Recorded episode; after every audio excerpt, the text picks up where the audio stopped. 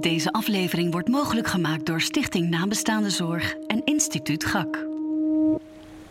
De verhalen in deze podcast zijn heftig, schokkend. Wil je daarover praten, dan staat Stichting Nabestaande Zorg je graag bij met een luisterend oor. Rouw op de werkvloer. Vroeger dachten we dat, dat, dat mensen dan. Uh, dat, je een soort uh, ja, thuis moest blijven. Je ging dan te snel werken, of hè, dan kreeg je commentaar, of je bleef te lang thuis. Maar ik hoorde vaak van: Oh, je bent zo snel gaan werken, dat, dat, dat gaat je nog eens een keer uh, opbreken.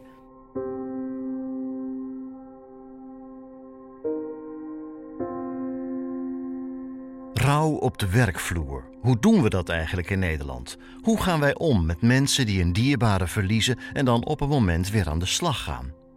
Ik heb een boek geschreven, Survival Gids voor Weduwen. En die eindig ik ook echt met een pleidooi voor ondersteuning uh, bij het verlies van een dierbare. Omdat uit alle verhalen die ik kreeg, kreeg ik te horen van dat er gewoon geen hulp is. Bijvoorbeeld een vrouw die zei: Ik ging naar de huisarts, ik voelde mij niet goed. En de huisarts zei: Ja, maar wat je nu ervaart is heel normaal. Kom maar terug als je vastloopt. Toen dacht ik: Ja, wat is dat nou voor iets zots?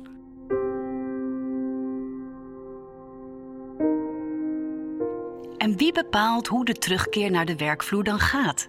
Hoe bespreek je met elkaar wat nodig is om collega's, werkgevers en de werknemer, om wie het allemaal gaat, daarin te begeleiden? Maar je ziet heel vaak dat, uh, dat collega's of, of, werkgevers er niet over durven te beginnen, omdat ze het verdriet niet durven op te rakelen. En dan uh, begint iemand het steeds meer op te kroppen. En op de lange termijn heb je daar dan juist alleen maar meer last van eigenlijk.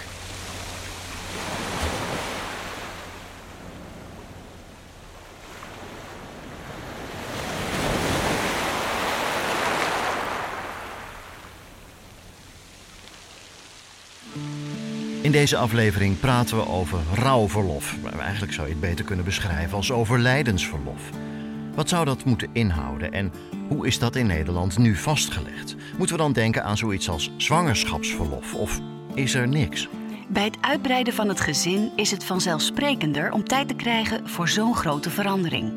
Je krijgt vier maanden verlof en tegenwoordig hebben ook de vaders wat meer rechten. Bij een overlijden is dat momenteel meer in potlood vastgelegd en dus aan de werkgever om erover met de werknemer in gesprek te gaan. Daarbij is de rekening voor de werkgever. En dat kan soms best ingewikkeld zijn. We praten in deze aflevering met een advocate, een HR-deskundige die ook ervaringsdeskundige is en voorvechter van het rouwverlof, en een rouwdeskundige over de voors en tegens van zo'n rouwverlof. Welkom bij de vierde aflevering van seizoen 3 van Helemaal aan het Einde. De podcast over leven en verlies.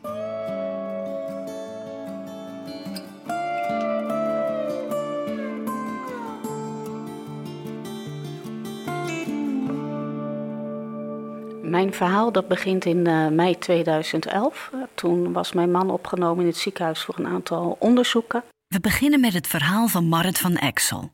Zij is getrouwd en heeft met haar man Frans drie opgroeiende kinderen. Zij werkt als senior HR-medewerker als haar man in 2011 naar het ziekenhuis gaat voor onderzoeken. Na een aantal dagen noemen ze dat een uh, familiegesprek en dan kom je de kamer binnen en dan zie je eigenlijk al aan de gezichten: dit is slecht nieuws. Nou, dat bleek dus ook slecht nieuws te zijn. Uh, hij was terminaal ziek, ze konden geen prognose geven en na zes weken was hij overleden aan kanker. Hij ging in een vrij korte tijd achteruit. Gelukkig was het op dat moment mooi weer. Dat we met z'n allen in de tuin ook konden bivakeren. Alle kinderen kwamen, aanhang kwamen. Dus ja, zes weken is kort. En tegelijkertijd hebben we afscheid kunnen nemen. En een lange lijdensweg is ons wel bespaard gebleven. Frans is 47 wanneer ze te horen krijgen dat de dokters niets meer voor hem kunnen doen.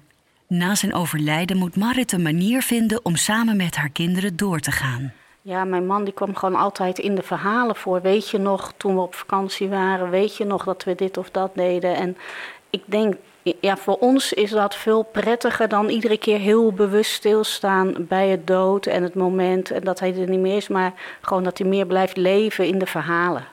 Ja, het zorgt ook voor de leuke anekdotes en de rare verhalen. De hond die er vandoor gaat. Of uh, die ging op een gegeven moment, was mijn man aan het delta vliegen.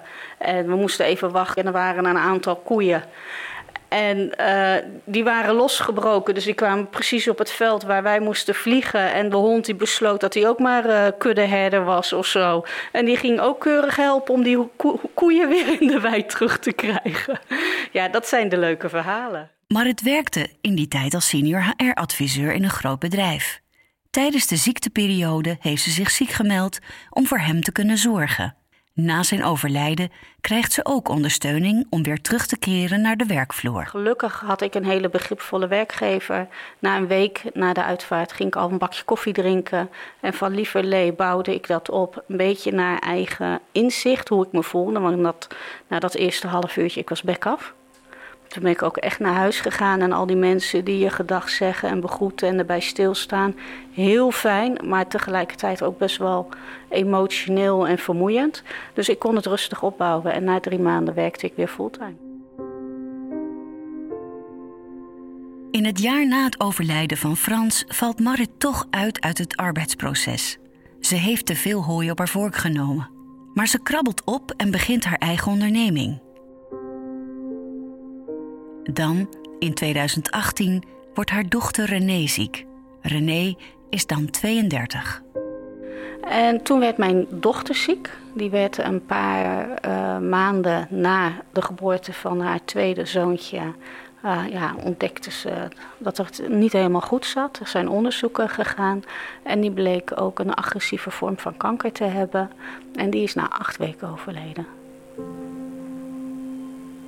Dus toen zat mijn schoonzoon opeens met een uh, kind van bijna twee en een baby van drie maanden. En die had wel geluk met zijn werkgever ook. Op werkelijk alle vlakken gebeurt er heel veel. En op dat moment was ik echt heel blij dat ik geen werkgever had. We horen het vaak van mensen die zich in een rouwproces ziek melden. Schuldgevoel naar je collega's. Ben ik nou wel echt ziek? vragen mensen zich af. Ook als duidelijk blijkt dat ze niet in staat zijn om te werken. Vaste oplossingen, zoals zwangerschapsverlof, bestaan er niet in Nederland. Ziek melden is het enige dat erop zit. Nou, je merkt toch als je eh, richting je collega's een stukje loyaliteit. Je weet dat het druk is, je weet dat er dingen gedaan moeten worden. Uh, ben je wel of niet ziek? Kan je wel of niet helpen? Uh, wat kan je wel of niet doen? Uh, in een ziektetraject, dan heb je op een gegeven moment de wet verbetering poortwachten. En dan moet je weer naar de bedrijfsarts. En ook in mijn community zat ook een vrouw die had een hele fijne bedrijfsarts. Ze zegt maar zelfs ieder bezoekje aan de bedrijfsarts gaf toch is. Wat zou die beslissen wat ik wel of niet zou kunnen? Marit besluit haar gedachten op papier te zetten. Ik heb een boek geschreven, Survivalgids voor Weduwen. En die eindig ik ook echt met een pleidooi voor ondersteuning uh, bij het verlies van een dierbare. Dan denk ik, rondom een geboorte is er van alles geregeld. Uh, zwangerschapsverlof, consultatiebureau, noem het allemaal maar. Meestal toch over het algemeen wel een happy gebeurtenis met twee ouders die de taken kunnen verdelen. En op het moment dat een partner wegvalt, of dat er uh, bij binnen het gezin een kind overlijdt, is er gewoon helemaal niks. Ik vond dat zo soort.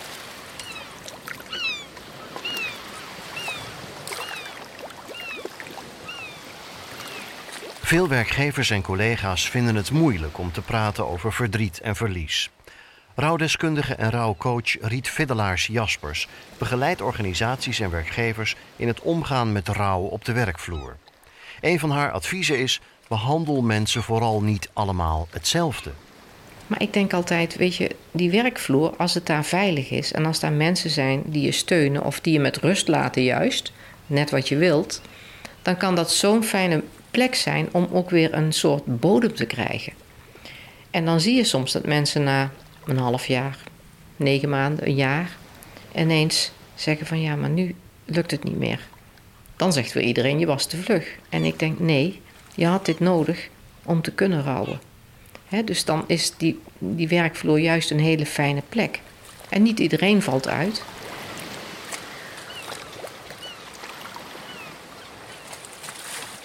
Het is onduidelijk of er een landelijke regeling voor rouwverlof gaat komen. Maar Het wordt wel steeds duidelijker dat werkgevers en werknemers met elkaar in overleg moeten om te kijken wat er nodig is, zegt Riet Fiddelaars Jaspers. Dat een werkgever kijkt samen met de werknemer die terugkomt van wat heb jij nodig? Hoe wil je weer voor de eerste keer binnenkomen? Dat alleen al. Uh, kom je even bij mij een kopje koffie drinken? Wil je naar een collega die je, uh, waarbij je je op je gemak voelt? Wat, hoe wil je het in de pauze doen? Ga je graag in je eentje een ommetje maken? Of is er een collega die met jou mee kan lopen? Wil je in de, toen dat nog uh, zo was, in de, in de bedrijfsrestaurant zitten? Of wil je juist alleen zitten? Wat voor werk kun je aan? Hoe kunnen we het werk aan jou aanpassen? Maatwerk dus, want niemand rouwt hetzelfde en elk verhaal vraagt om een eigen aanpak. Dus ik, ik had een mevrouw die, uh, uh, die werkte in het onderwijs en had haar dochter op een dramatische manier verloren. En ze was intern begeleider. En ze zei in het begin: Ik kan echt niet naar die verhalen luisteren van mensen met allemaal die kleine probleempjes met hun kinderen. Dat is voor mij heel moeilijk. Dus ze moest andere dingen doen op het werk. En pas na verloop van tijd, toen kon ze ook dat weer. Een andere dame die zegt: Ja, ik werk met demente bejaarden. Ik heb mijn zoon verloren. Ik, en, en, en, en zij leven nog, weet je, cru gezegd. Nou, heel lang kon ze het niet. Toen is ze toch weer langzaam begonnen. En toen zei ze: Heerlijk, die vragen helemaal niks aan mij. Ik mag er gewoon zijn met alles wat er is. Ik vind het heerlijk werk. Maar dat moest ze weer zo ontdekken. Het belangrijkste is dus dat de werkgevers en werknemers met elkaar in gesprek blijven over de aanpak van rouw op de werkvloer. Het liefste samen met de overheid. Maar wat is er dan nu geregeld? Als er dan geen rouwverlof is, wat is dan de regeling? En wie betaalt de afwezigheid van de werknemer? Nathalie Wolters is advocaat arbeidsrecht bij Reflex Advocaten in Haarlem. Nou, er is niet echt iets in de wet vastgelegd over uh, rouwverlof. Er zijn wel heel veel verschillende andere vormen van verlof vastgelegd in de wet. Uh, dus natuurlijk zwangerschapsverlof, ziekteverlof, uh, je hebt ook adoptieverlof tegenwoordig en allerlei vormen van zorgverlof. maar rouwverlof is niet in de wet vastgelegd. Je ziet het wel steeds meer terugkeren in cao's, dus dan binnen bepaalde branches.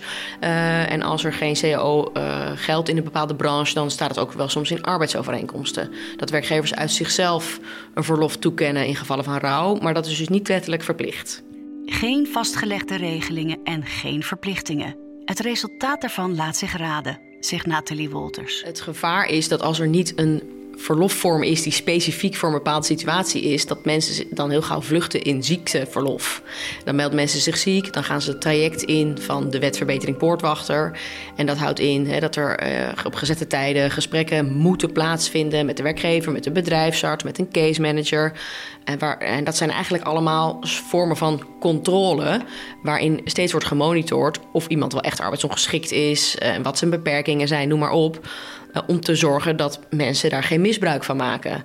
Maar in geval van rouwverlof is dat eigenlijk een beetje misplaatst. Want eh, iemand zal geen misbruik maken van rouwverlof. Je kunt niet faken dat je een overlijden hebt in je gezin of iets dergelijks. Hè, waar bij ziekte nog wel eens een ja, beperking gefaked wordt, omdat het soms moeilijk te controleren is. Maar rouwverlof, dat, dat is een gegeven dat iemand rouw heeft na het overlijden van een, een naaste. Um, dus door die controlemechanismen die bij ziekteverlof horen, uh, ja, denk ik dat je degene die rouwt niet goed behandelt. En dat het daardoor ja, mogelijk erger zou kunnen worden.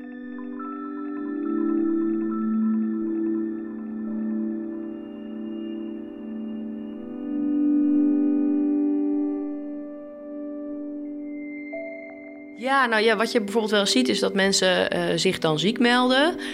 Um, dat werkgevers het onderwerp ook moeilijk vinden om aan te snijden. Uh, dus, dus daar ook niet uh, contact over opnemen met de werknemer. En dat iemand dan heel lang thuis komt te zitten. Uh, en eigenlijk steeds verder afglijdt. En, en, dat werkt vaak averechts bij rouw, want iemand wil er juist graag over praten. Maar je ziet heel vaak dat, uh, dat collega's of, of, werkgevers er niet over durven te beginnen, omdat ze het verdriet niet durven op te rakelen. En dan uh, begint iemand het steeds meer op te kroppen. En op de lange termijn heb je daar dan juist alleen maar meer last van eigenlijk. Nathalie benadrukt hoe belangrijk het is voor werkgevers om vanaf het moment van overlijden in contact te zijn en te blijven met de werknemer, maar ook met zijn collega's. Ik heb wel eens gehoord van iemand, uh, wat dat speelt zich dan op het werk af, dat er binnen een team discussie was over wie uh, wanneer moest werken met iemand die voor het eerst weer op het werk kwam nadat hij zijn partner had verloren. Want niemand durfde eigenlijk ook op die dag te werken. Want iedereen dacht dat zal wel heel moeilijk zijn want diegene komt weer voor het eerst op het werk. En ik weet niet wat ik moet zeggen. Dus niemand wilde op die dag werken met diegene. Ja, dat is natuurlijk echt super zielig. En diegene zou ook wel die spanning kunnen ervaren als hij terugkomt op het werk. Dus we hebben toen ook wel besproken dat het beter is als die leidinggevende bij wijze zou zeggen: iedereen is er gewoon op die eerste dag. Dan kunnen we met het hele team gaan zitten en in één keer dat verhaal horen. Hè. Dan kan die persoon dat verhaal kwijt.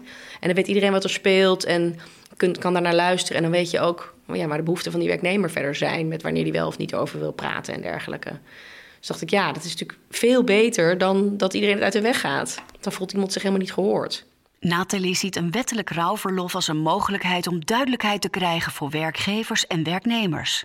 Dat rouwverlof moet dan wel ruimte laten voor flexibel maatwerk. Er wordt een, komt een wettelijk rouwverlof van bijvoorbeeld zes weken. Ik, ik zeg maar even iets. Maar uh, dat is dan naar een fulltime dienstverband vertaald, is dat 30 dagen. En je kunt bijvoorbeeld die 30 dagen flexibel inzetten. Dus je hoeft niet zes weken fulltime dan op te nemen. Want heel vaak willen mensen na uh, de uitvaart wel weer een beetje gaan beginnen, maar opbouwen. En dat je dan bijvoorbeeld zegt, nou, je krijgt 30 dagen en die mag je zelf inzetten wanneer je wil. Uh, bijvoorbeeld niet meteen naar het werk, maar uh, flexibel werken, thuiswerken of op andere tijdstippen werken zonder dat ze verlof opnemen. Dat kan natuurlijk ook heel goed. Dus ik denk dat het wel goed is om het, om het wettelijk te verankeren. Uh, want dan ervaren mensen ook minder schroom om er aanspraak op te maken. Ehm, maar om het flexibel inzetbaar te laten zijn. Dus niet dat je zegt zes weken. Want dan kan er zomaar ook weer een gat ontstaan, waardoor het veel moeilijker is om na zes weken weer terug te komen. Maar wie gaat dat dan betalen? Want voor werkgevers zijn extra verlofregelingen vaak al pittig genoeg. Dus ik denk dat, dat je uh, het in de wet zou moeten regelen en dan zou moeten aansluiten bij bijvoorbeeld zwangerschapsverlof. Want dat wordt door het UWV natuurlijk gecompenseerd aan de werkgever. Dus de werkgever heeft daar dan ook financieel minder last van, tussen aanhalingstekens. Um, waardoor dat de werknemer zich ook weer minder bezwaard hoeft te voelen om erom te vragen. Uh, want dan kan het gewoon hè, in, in de sociale verzekeringen mee. Uh, en op die manier gecompenseerd worden. Want het is natuurlijk wel. Uh, in Nederland heb je natuurlijk vaak dat, dat er heel veel op het bordje van de werkgever komt. En zoals je het vanuit de werkgever bekijkt, ja, is het ook wel weer weer iets wat in de privésfeer van de werknemer valt, wat dan eigenlijk voor risico van de werkgever komt. En dat is voor kleine werkgevers natuurlijk ook best wel vaak pittig.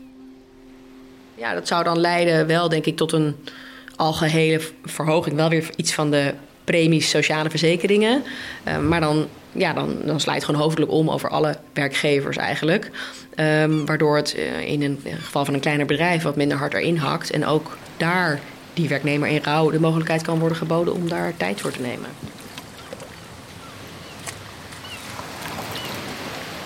En ik heb ook wel, wel eens van iemand gehoord die. Dat is wel echt een heel tragisch verhaal. Ik ken die persoon zelf niet.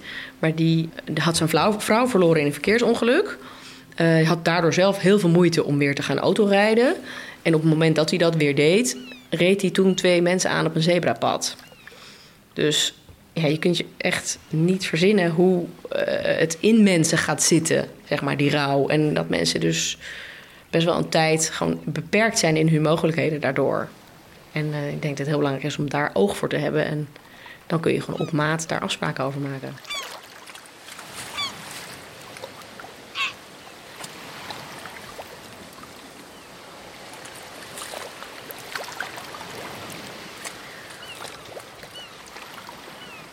Marit van Exel is een pleidooi gestart om het rouwverlof bij de politiek onder de aandacht te brengen. Met bijna 80.000 handtekeningen heeft ze meer dan voldoende ondersteuning en zal Den Haag zich hierover gaan buigen aan het einde van 2021. Maar het zet haar vraag op één lijn met zwangerschapsverlof. Haar plan is dat bij het verlies van een partner of kind vier maanden beschikbaar zijn die een nabestaande gespreid en in overleg kan opnemen. Onderdeel van het plan is ook dat de kosten niet meer voor de werkgever zijn.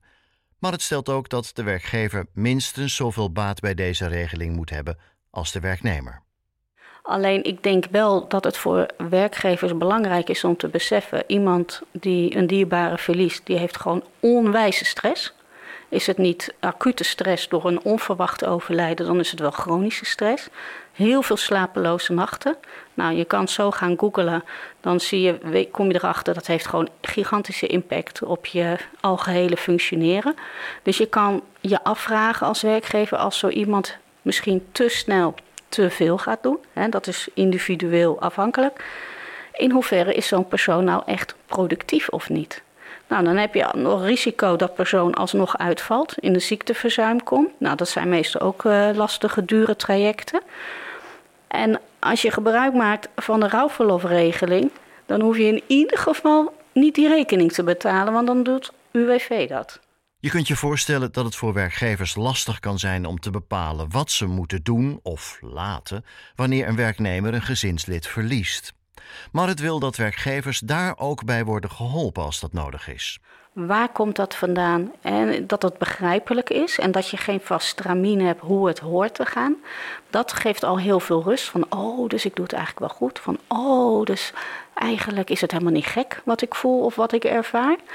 En ja, ik zou ervoor pleiten als werkgever. Geef iemand een, bijvoorbeeld een heel goed boek. Of uh, bied al bij voorbaat uh, hulp of training aan. En voorkom dat je wacht tot iemand echt vastloopt. En ik denk echt dat daarmee iemand veel sneller weer steviger in de schoenen staat. Waardoor die persoon ook weer eerder, gewoon, hè, als het even vanuit eh, human resource termen gaan kijken, weer eerder productief is. En ook gaat werken naar loonwaarde. Vaak denken mensen dat rouwverlof al bestaat. Ook denken mensen dat het rouwverlof bedoeld is om emotioneel te herstellen. Maar Marit wil iets anders. Rouwverlof is in haar ogen vooral praktisch bedoeld.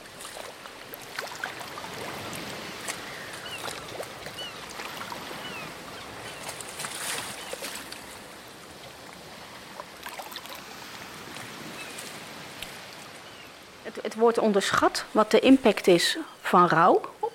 Het is meer dan alleen uh, het leren omgaan met verdriet en het verlies en het gemis. Daar is nu heel veel aandacht voor. Terwijl ik eigenlijk zeg van goh, kijk nou eens wat de impact is op het dagelijks leven. Waar heeft iemand daar hulp bij nodig? Er zijn zoveel ballen op de grond gevallen. Die moet iemand weer in de lucht zien te krijgen. Een rouwverlof is ook zeker niet bedoeld van dat dat afdoende is. Hè, bijvoorbeeld een periode van vier maanden verspreid. Om te leren omgaan met gemis. Het is echt bedoeld om die ballen weer in de lucht te krijgen. En juist die andere invalshoek dat doet mensen beseffen van hé, wacht even, dit is wel heel erg raar dat hier nog niks voor is en daar moeten we iets mee gaan doen. Dan hoop ik gewoon dat er veel meer begrip is en dat het ook gewoon is om stil te staan dat de impact van verlies gewoon veel groter is dan alleen het emotionele deel en dat het meer vanzelfsprekend wordt dat mensen ondersteund worden om die ballen weer in de lucht te krijgen. Dat hoop ik echt.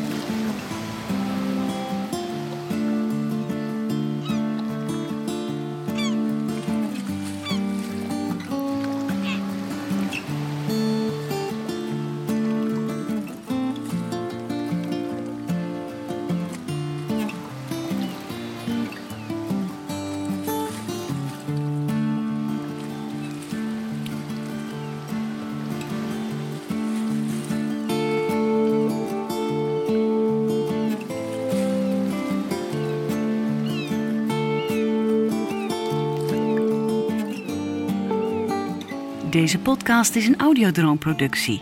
Heb je een vraag over deze podcast? Neem dan contact met ons op via Instagram, Twitter, Facebook of e-mail. Je vindt alle links in de show notes, dat is de tekst bij deze aflevering, in je podcast-app. In die show notes vind je ook links naar meer informatie over de onderwerpen in deze aflevering. Of ga naar onze website helemaal aan het einde.nl. Daar vind je alles overzichtelijk bij elkaar. Heeft deze aflevering je geïnspireerd of geraakt? Schrijf dan een review bij Apple Podcast of laat een rating achter. Of als je luistert via Spotify, deel de aflevering. Dan help je anderen om deze podcast te ontdekken. Vergeet niet om je gratis op deze serie te abonneren met de subscribe of abonneerknop. Dan verschijnen nieuwe afleveringen automatisch in je podcast-app. Heb jij een verlies geleden en wil je in contact komen met nazorgconsulenten, met ervaringsdeskundigen die individuele ondersteuning bieden en je helpen met complexe vraagstukken? Dan is Stichting Nabestaande Zorg een informatiepunt waar je terecht kunt met al je vragen en zorgen rondom rouw, verlies en nalatenschap. Ze brengen ook lotgenoten samen. Je vindt alle informatie daarover op stichtingnabestaandenzorg.nl. Dus stichtingnabestaandenzorg.nl.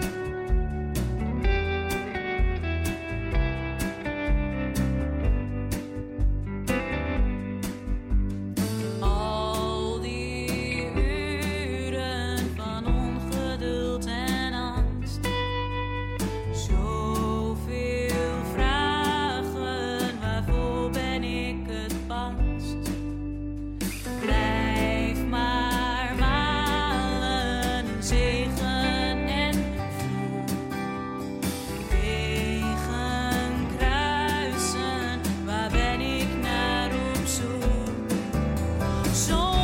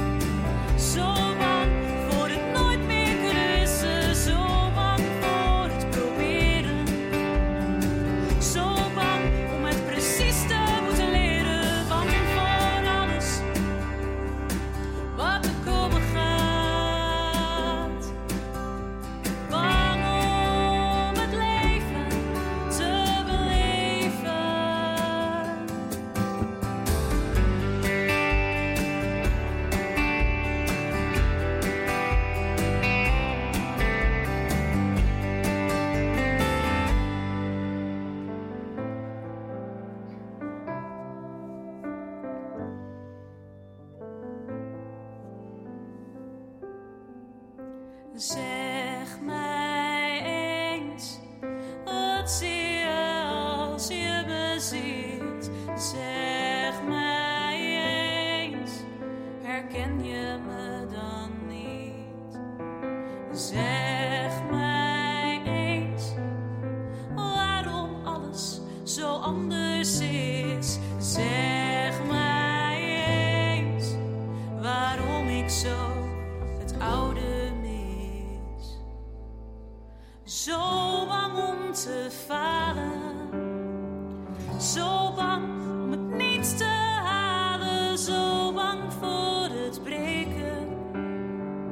So